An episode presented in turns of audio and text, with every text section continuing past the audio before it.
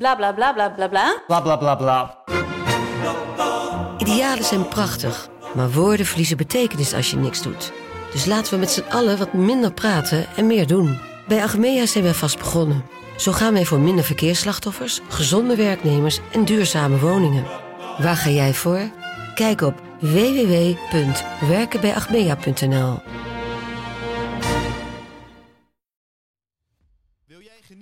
de beste VI Pro artikelen, video's en podcast? En wil jij nog meer inzichten krijgen rond al het voetbalnieuws? Word dan nu lid van VI Pro. Voor exclusieve podcasts, tactische analyses, interviews met spelers en financiële inzichten. Ga nu naar vi.nl slash zsmpro voor de scherpste aanbieding. Goedemorgen en welkom bij een nieuwe aflevering van VIZSM, de dagelijkse podcast van Voetbal International, waarin we het laatste nieuws bespreken. Mijn naam is Jarno Verwij en ik zit met niemand minder aan tafel dan Pieter Zwart, onze huisanalist die een aantal drukke dagen achter de boeg heeft, waaronder de wedstrijd van gisteren. Jij hebt natuurlijk heel gericht zitten kijken. En wat is jou opgevallen, Pieter?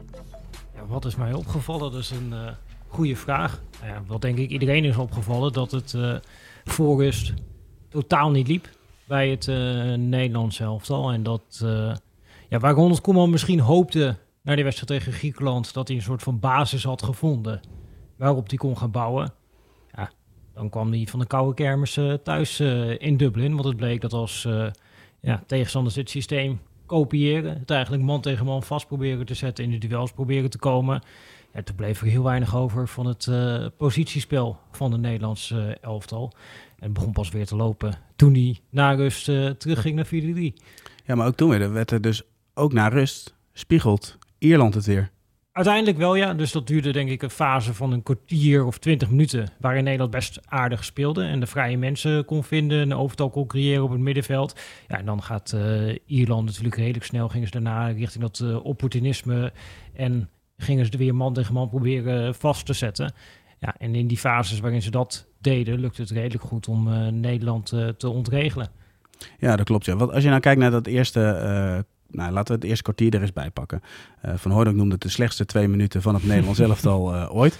Maar deels, deels daarin meegaan, als je nou kijkt naar de, naar de opbouw. Nederland heeft geen moment normaal op kunnen bouwen. En dan denk je van oké, we hebben met Vlekken die ideale keeper die de opbouw kan verzorgen. Maar ook Vlekken zat er niet optimaal in. Het was natuurlijk een slechte bal die hij gaf op Frenkie de Jong.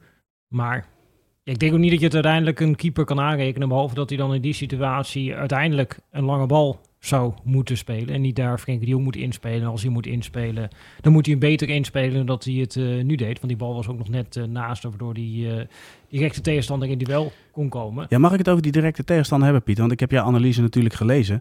en, en vaak zie je dat, dat tegenstanders wel kort zitten bij, bij Frenkie de Jong in dit geval. En... en uh, maar dan niet de bal kunnen veroveren. Want Frank is natuurlijk met zijn lichaam tussen de bal gewoon heel Mhm. goed. Maar had twee keer echt zo'n zo'n tackle van... Ja, dat hij hem echt van, van de buitenkant pakt of zo. Hij deed het ook heel goed. Ja, met links. Dus dat, dat vond ik ook wel uh, interessant. Want wat Ja. Frenkie de Jong natuurlijk vaak een beetje doet. Het is niet echt passeren. Het is meer een soort van lichaamsschijnbeweging. Maar Ja. die uiteindelijk vaak dan wegdraait over het zwakke been van de tegenstander. Want veel spelers kunnen natuurlijk zelfs op het hoogste niveau maar met één been tackelen. En deze Brown, die kon met twee benen tackelen. Ja. Dus die kwam gewoon iedere keer in duel. En dan dacht Frenkie, ik draai hem weg over het linkerbeen van die Brown. Dit is een rechtspoot. Ja, en die eh, kwam gewoon in duel. En dan sch- schoof hij die linkerpoot erin. En dan had hij gewoon iedere keer eh, de bal eh, te pakken. En werd het gevaarlijk. Dus ja, die speelde best een goede wedstrijd tegen de Jong. Ja, tot dus het omgezet werd bij het Nederlands elftal. Nou, en toen zag je dat heel Ierland meteen eh, aan het zoeken was. Was duidelijk ook niet besproken in de rust. Van god, zou kunnen dat eh, Nederland het even op een andere manier gaat eh, aanpakken. Dus ja, niemand wist eigenlijk meer wat hij moest doen. Dus dat gold zowel voor die vleugelverdedigers aan de zijkant. Die hadden natuurlijk voor rust hadden die het heel makkelijk. Het enige wat ze hoefden te doen was op een gegeven moment doorstappen richting Blind en Dumfries. Nou, nu stonden er in één keer twee spelers aan de zijkant. Oké, ja, wie ga je dan oppakken? Ga je door? Ga je niet door? Ja, hetzelfde was eigenlijk aan de hand bij die drie aanvallers. Daar was ook in één keer niet meer duidelijk van op wie moet er nou druk zetten. Vorig, ja, rust waren het gewoon de drie centrale verdedigers. Ja, dat Ja. gewoon koppeltjes maken en klaar. Precies, en nu lukt het gewoon... In de eerste fase na rust lukt het Ierland niet meer eh, om koppeltjes te maken. En daardoor ging Nederland beter spelen. Alleen, Dat is ook direct, want er wordt dan natuurlijk redelijk snel gaat richting discussie van ja, oké, moeten we dan toch weer terug naar die of moeten we toch weer terug naar dat? Uh, en is dan nu niet toch gebleken dat het uh, beter is? Terwijl ik denk, ja, als je het gaat analyseren, waarom werkt het voor tegen Griekenland goed? Dat was omdat Griekenland eigenlijk verrast was doordat Nederland zo speelde en dan Nederland op die manier de vrije man kon vinden. Waarom werkte het eerste kwartier na rust goed tegen Ierland? Omdat Ierland verrast was dat Nederland zo speelde en dan Nederland de vrije man kon creëren. Maar het heeft eigenlijk ja, niet zo heel veel met het systeem aan zich te maken, maar meer denk ik met een soort van ja, verrassingseffect. En als er niet systeem tegen systeem is, dat dan de tegenstander moet gaan zoeken. En dan ja, blijkt dat Nederland betere spelers heeft dan, dat ze, dan Griekenland en uh, Ierland. Ja, maar als je dat nou meeneemt, Pieter, moet, moet Nederland dan niet gewoon uh, flexibel zijn als het gaat om de formatie? Dus dat je dus ook inderdaad, je moet meer de formatie kunnen beheersen. Ik denk dat dat sowieso ja. in het hedendaags topvoetbal uh, belangrijk is. Maar los daarvan, je moet zorgen dat de voorspelbaarheid eruit is. En dat zit in formatie, maar dat zit denk ik ook wel in spelers. Want dat vind ik wel interessant om met jou te bespreken. Na rust komt Reinders erin. Mm -hmm. Wiever is eruit. Ik heb ook het idee dat Reinders soms Frenkie de Jong wat meer ontziet. Omdat hij zelf ook goed is aan de bal. Zeker. En die viel ook, uh, vond ik hem prima invallen tegen Griekenland. En nu tegen Ierland uh, was dat weer het geval.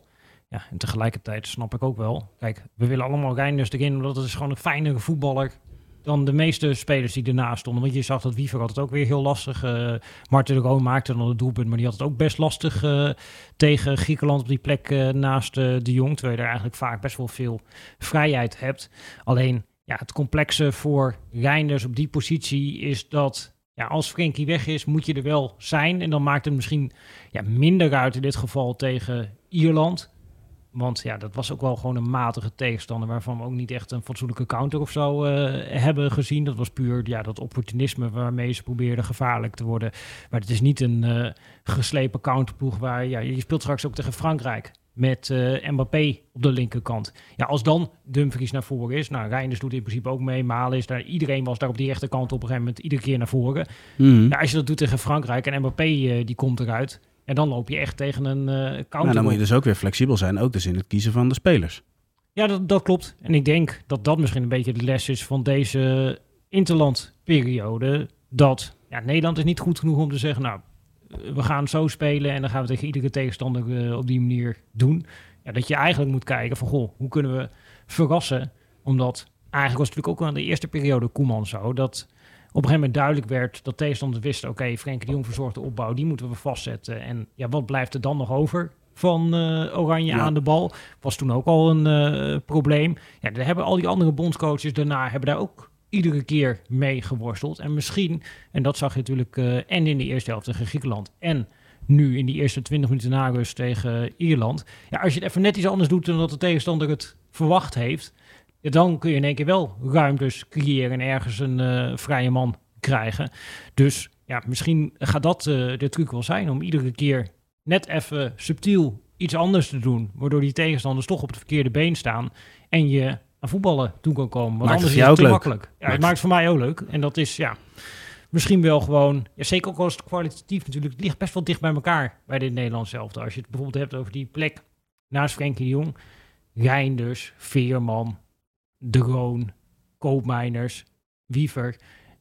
Ja, qua kwaliteit zit daar niet zo'n gigantisch verschil. Nee, waarbij je wel een onderscheid zou kunnen maken tussen Koopmijner, uh, Koopmijner en, en Reinders natuurlijk. En daarnaast de, de Roon en Wiever. Dat zijn dan dezelfde types. Dus dan heb je twee concurrentiestrijden. En het is maar net de vraag van, joh, wat heeft een wedstrijd nodig? Ja, wat heeft inderdaad uh, een wedstrijd uh, nodig? En daar kun je dan vervolgens naar kijken. Helemaal omdat het ja, kwalitatief best wel dicht tegen ja. elkaar uh, aan zit. Zoals nu tussen Xavi Simons en Malen zit ook niet zo'n gigantisch verschil tussen Malen en Weghorst. Dat, dat zit ook best wel dicht bij elkaar. Dus op die posities kun je misschien wel heel erg gewoon gaan kijken naar... oké, wat heeft deze specifieke wedstrijd nodig? Als je ook bijvoorbeeld kijkt naar uh, Matthijs Licht. Ik vond hem in die eerste helft als rechter centraal in de drie... vond ik hem weer bijzonder ongelukkig. Bijzonder matig aan de bal. Dat ja. is natuurlijk ook veel besproken door uh, Suleiman de afgelopen tijd. Maar dat zag je nu ook weer echt terug. En dat was denk ik een van de redenen dat Onder Nederland... minimale druk de meest ja, vreemde ballen. Ja, en dat was denk ik een van de redenen dat Nederland totaal niet aan opbouwen toekwam. Want hij kon vaak dan nog wel, hij wijkt dan wat meer uit naar de zijkant. Daar kon je in principe dan misschien de vrije man worden. Maar als hij daar al de bal kreeg en de bal wilde, ja, dan deed hij er zelden eigenlijk eh, iets goeds mee. En toen in de vier kwam het er wel weer wat beter eh, bij hem uit. Alleen, ja, dat, dat is dus wel ja, heel erg zoeken. Dus ook ja, als je met drie speelt, ja, misschien heeft deze wedstrijd wel weer aangetoond dat dan de licht eigenlijk geen optie kan zijn voor die positie aan de zijkant. Dus dat je daar dan toch misschien een ander En dan type... kom je wat je eerder hebt gezegd. Als hij speelt, dan is de meest centrale man en anders niet. Dus Ja. dan krijgen de concurrentiestrijd van Dijk of de licht. Ja, want je ziet ook gewoon als ze opbouwen, Nederland. eh, want ook Frenkie de Jong stak natuurlijk vaak ook nog een beetje dan uit richting eh, de Ja. laatste lijn. Dus als ze opbouwen, komt eigenlijk die rechter centrale in het systeem hoe Nederland het nu uitvoert, komt vaak uit als een soort rechtsback. Ja. Ja, daar, daar voelt de licht zich helemaal niet lekker. Nee. Ja, moet je hem dan daar in die situatie brengen? Ja, ik denk dat dit wel wel weer geleerd heeft. Want dat heeft eigenlijk eh, geen zin. Dus dan moet je denk ik inderdaad, want ook daar zit natuurlijk best wel dicht bij elkaar. Want je hebt de, de licht, nou ja, Timber is nu geblesseerd. Geertruiden was nu in dit geval geblesseerd. Je hebt ook nog eh, de Vrij. eh deze, die vult eigenlijk natuurlijk die positie ook een beetje in bij eh, Ja. PSV. Vergelijkbare zone inderdaad. Ja, vergelijkbare zonde. Ja, ik denk dat in de manier waarop, en dat is misschien raar, eh, in de manier waarop Nederland nu speelde tegen Ierland in de opbouw, dat dan deze meer geschikt was geweest om dit uit te voeren wat gevraagd werd tegen Wel een pijnlijk verhaal, hè? Want, want ook bij Bayern, kijk, Matthijs Ligt, dat daar geen misverstand over zijn, is nog steeds een hele goede verdediger. Ja, is nog steeds na een groot... de- precies. Alleen, kijk naar Bayern München, kijk naar Nederland zelf. Als je naar Nederland zelf de eerste helft en, en Bayern München van nu, dan lijkt er op dit moment gewoon geen plek voor hem te zijn. Tenzij nou ja, je concessies doet in je speelwijze. Nou, dat doet Koeman na rust wel. Ja, bij Bayern zal dat niet het geval zijn. Nee, nee, dat klopt. Dus dat, dat wordt wel eh, interessant hoe dat, eh, hoe dat voor hem eh, gaat uitpakken. Ja. En hij eh, zei het geloof ik zelf voor onze camera's. Ja, ze hebben nu bij Bayern drie monsters achterin. Waar die zichzelf toe rekenen, Kim en eh Upamecano. Ja, het- is geen makkelijke concurrentiestrijd. Ja, ga er maar aan staan, zie het maar te winnen. En hij gaf ook nog toe, ja, ik heb het best wel lastig als ik dan ook nog minder wedstrijdritme heb om dan eh, goed te spelen.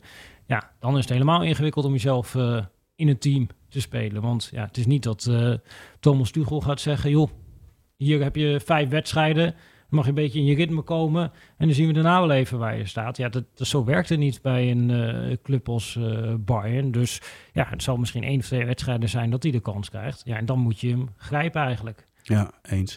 Hey, laten we, eh, dit, dit is dan eh, min of meer de analyse. Een van de meest gelezen items op VI Pro van, van dit weekend. We gaan straks ook nog even kort AZ bespreken. Want dat is ook een mooi weekend Ja. voor hen geweest. Dan eventjes naar de cijfertjes voor de internationals. Martijn Krabbedam is natuurlijk in Dublin. Die heeft iedereen beoordeeld op zijn kwaliteiten. En ja, Denzel Dumfries is de beste die we hebben. Gelukkig hebben we Denzel Dumfries. Het draait Ja. om Denzel Dumfries. Dat is ongelooflijk toch? Als Ja. je het nu eh, gaat, eh, gewoon die vijf doelpunten die Nederland gemaakt heeft deze interlandperiode. Je hebt die eerste goal tegen Ierland, corner. Het begint met de kopbal van Dumfries. Dan Ja. heb je die tweede goal, assist van Dumfries. Derde goal, assist van Dumfries. Nu de eerste goal tegen Ierland, penalty versierd door Dumfries. En dan die tweede goal tegen Ierland, assist van Dumfries. Dan denk je dat je te maken hebt met een uh, steraanvaller. Maar het gaat nog steeds over een eh, vleugelverdediger. Ja, precies. En eh, ja, nogmaals, eh, ze zijn, zijn opvallende loopbaan hebben we al vaak besproken. Gaan we nu ook zeker doen. Is bij iedereen bekend. Maar toch, als je dan de ontwikkeling die hij door blijft maken, je denkt van ja, wa- wanneer heeft hij nou zijn plafond eh, bereikt? Maar ook nu. Het lijkt wel iedere keer als hij in voorwaartse beweging is richting het doel van de tegenstander. Als je hem op tijd geeft, dan heb je hoe dan ook gevaar. Ja, en dat is ook een kwestie van ja, in jezelf investeren en daaraan werken. En dat, eh, hij heeft daar eh, Patrick Woerst voor, een individuele videoanalist eh, uit Rotterdam, die hij daarvoor inhuurt.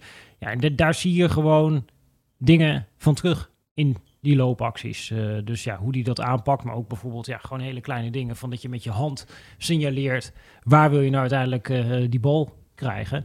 En, ja, Kun je daar eens een voorbeeld van geven? Want, want ja, jij geeft aan met zand. Wat, wat- geef eens één voorbeeld Nou, daarvan. dat was bijvoorbeeld die eh, goal tegen Griekenland, waar die op een gegeven moment eh, achter die laatste lijn komt. eh, met die paas van Gakpo, die hem daar Ja. aan hem meegeeft. Dan zie je dat hij op de rechter buitenbaan in eerste instantie eigenlijk uit het zicht blijft van die linksachter van de Grieken. Ja? En dat hij vervolgens met zijn hand al signaleert van ik ga straks die diagonale loopactie daarachter maken. Nou, dat werd dan in dit geval herkend eh, door Gakpo en die geeft hem dan eh, op die manier mee tussendoor.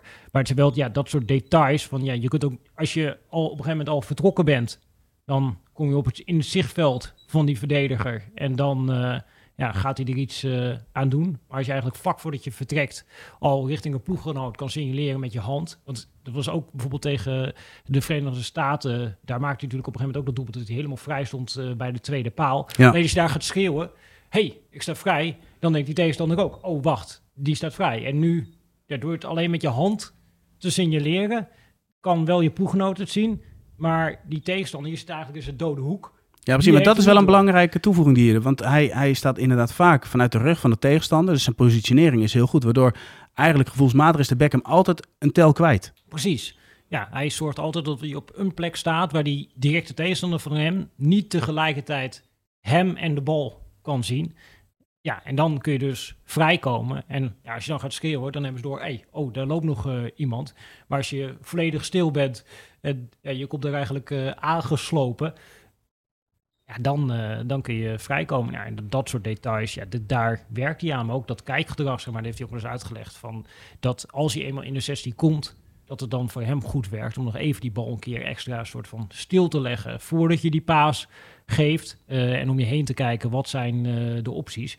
Ja, dat soort details maken wel vaak het verschil tussen ja, dat je net wel vrijkomt, net niet vrijkomt, net wel een assist geeft, net niet een eh, assist geeft. Eh, al had hij natuurlijk op een gegeven moment eh, met die assist op Weghorst tegen Griekenland ook al alle mazzel van de wereld. Die bal raakt hij totaal eh, verkeerd. Maar ja, dat zijn wel dingen die hij afdwingt ja, door die manier van lopen. En dat is gewoon bij hem een kwestie geweest van ja, trainen, trainen, trainen, doen, doen, doen. Ja, en dat maakt Denzel Dumfries tot de sluipmoordenaar van Oranje. Ja, precies. Ja. Zullen we nog even naar AZ gaan? Want Simon Zwartkruis is natuurlijk in Argentinië de hele week. Die, die volgt de jeugdploeg van AZ in de strijd om de wereldbeker. Helaas is dat niet voor de talenten van Nee. AZ eh, gelukt. Maar ze hebben ehm, ja, mogen verblijven op een prachtige locatie. Ze hebben natuurlijk La Bombonera hebben ze meegemaakt. eh, De, de grond waar eh, Diego Maradona is opgegroeid. Ehm, ze hebben indruk gemaakt met momenten. Alleen ze konden niet het spel maken dat ze graag wilden spelen. Liet Sierks maar weten ten op, eh, tegenover eh, Simon Zwartkruis. Hoe heb jij, want jij hebt natuurlijk die eerste fase heel van dichtbij meegemaakt. Mhm. De finales eh, zijn door Simon van dichtbij gevolgd. Hoe heb jij daarnaar gekeken eigenlijk? Nou ja, wel met interesse of ze weer in staat zouden zijn om ja, een goede tegenstander te ontregelen met een plan. En ze hebben natuurlijk op dezelfde manier aangepakt eh, als de vorige keren. Alleen dan merk je wel dat ja, spelen in een vol stadion tegen een tegenstander die, Echt een vol stadion ook, hè? ja, die Oh. op een manier speelt zoals we dat in Europa niet gewend zijn qua hardheid. Ja, dat dat toch ja, de boel ontregelde. Zoals ook bijvoorbeeld eh, die penalty-serie. Ja, dan komt het daarop aan. En AZ heeft eigenlijk, ook in die Youth League, hebben ze iedere keer best heel goed gedaan met penalty-series. Daar oefenen ze veel op. En dan ja, gaat ook veel over, nou ja, A, techniek, maar B ook, ja, wat doe je met je brein? Eh, en dat leek iedere keer best wel goed voor eh, AZ te werken. Maar je merkte dan toch dat zo'n vol stadion en dan naar die stip lopen, ja, dat het toch weer wat anders is dan ja, in een half gevuld stadion in eh Genève, wanneer je toch misschien makkelijker in je eigen routine blijft. Eh, en het lukte bijvoorbeeld eh Goes nog wel om er echt in te blijven. Maar je zag ook een paar spelers, ja, die, die schieten die bal ja, precies op de manier waarop je hem niet moet schieten. Half hoog in de hoek. En, dat weten ze ook al bij AZ, dat je daar niet eh, moet eh, schieten. Alleen, ja, hij komt daar wel. En dat heeft dan te maken met, ja, die sta met dat stadion, die ambiance eh, en alles wat daarbij komt kijken.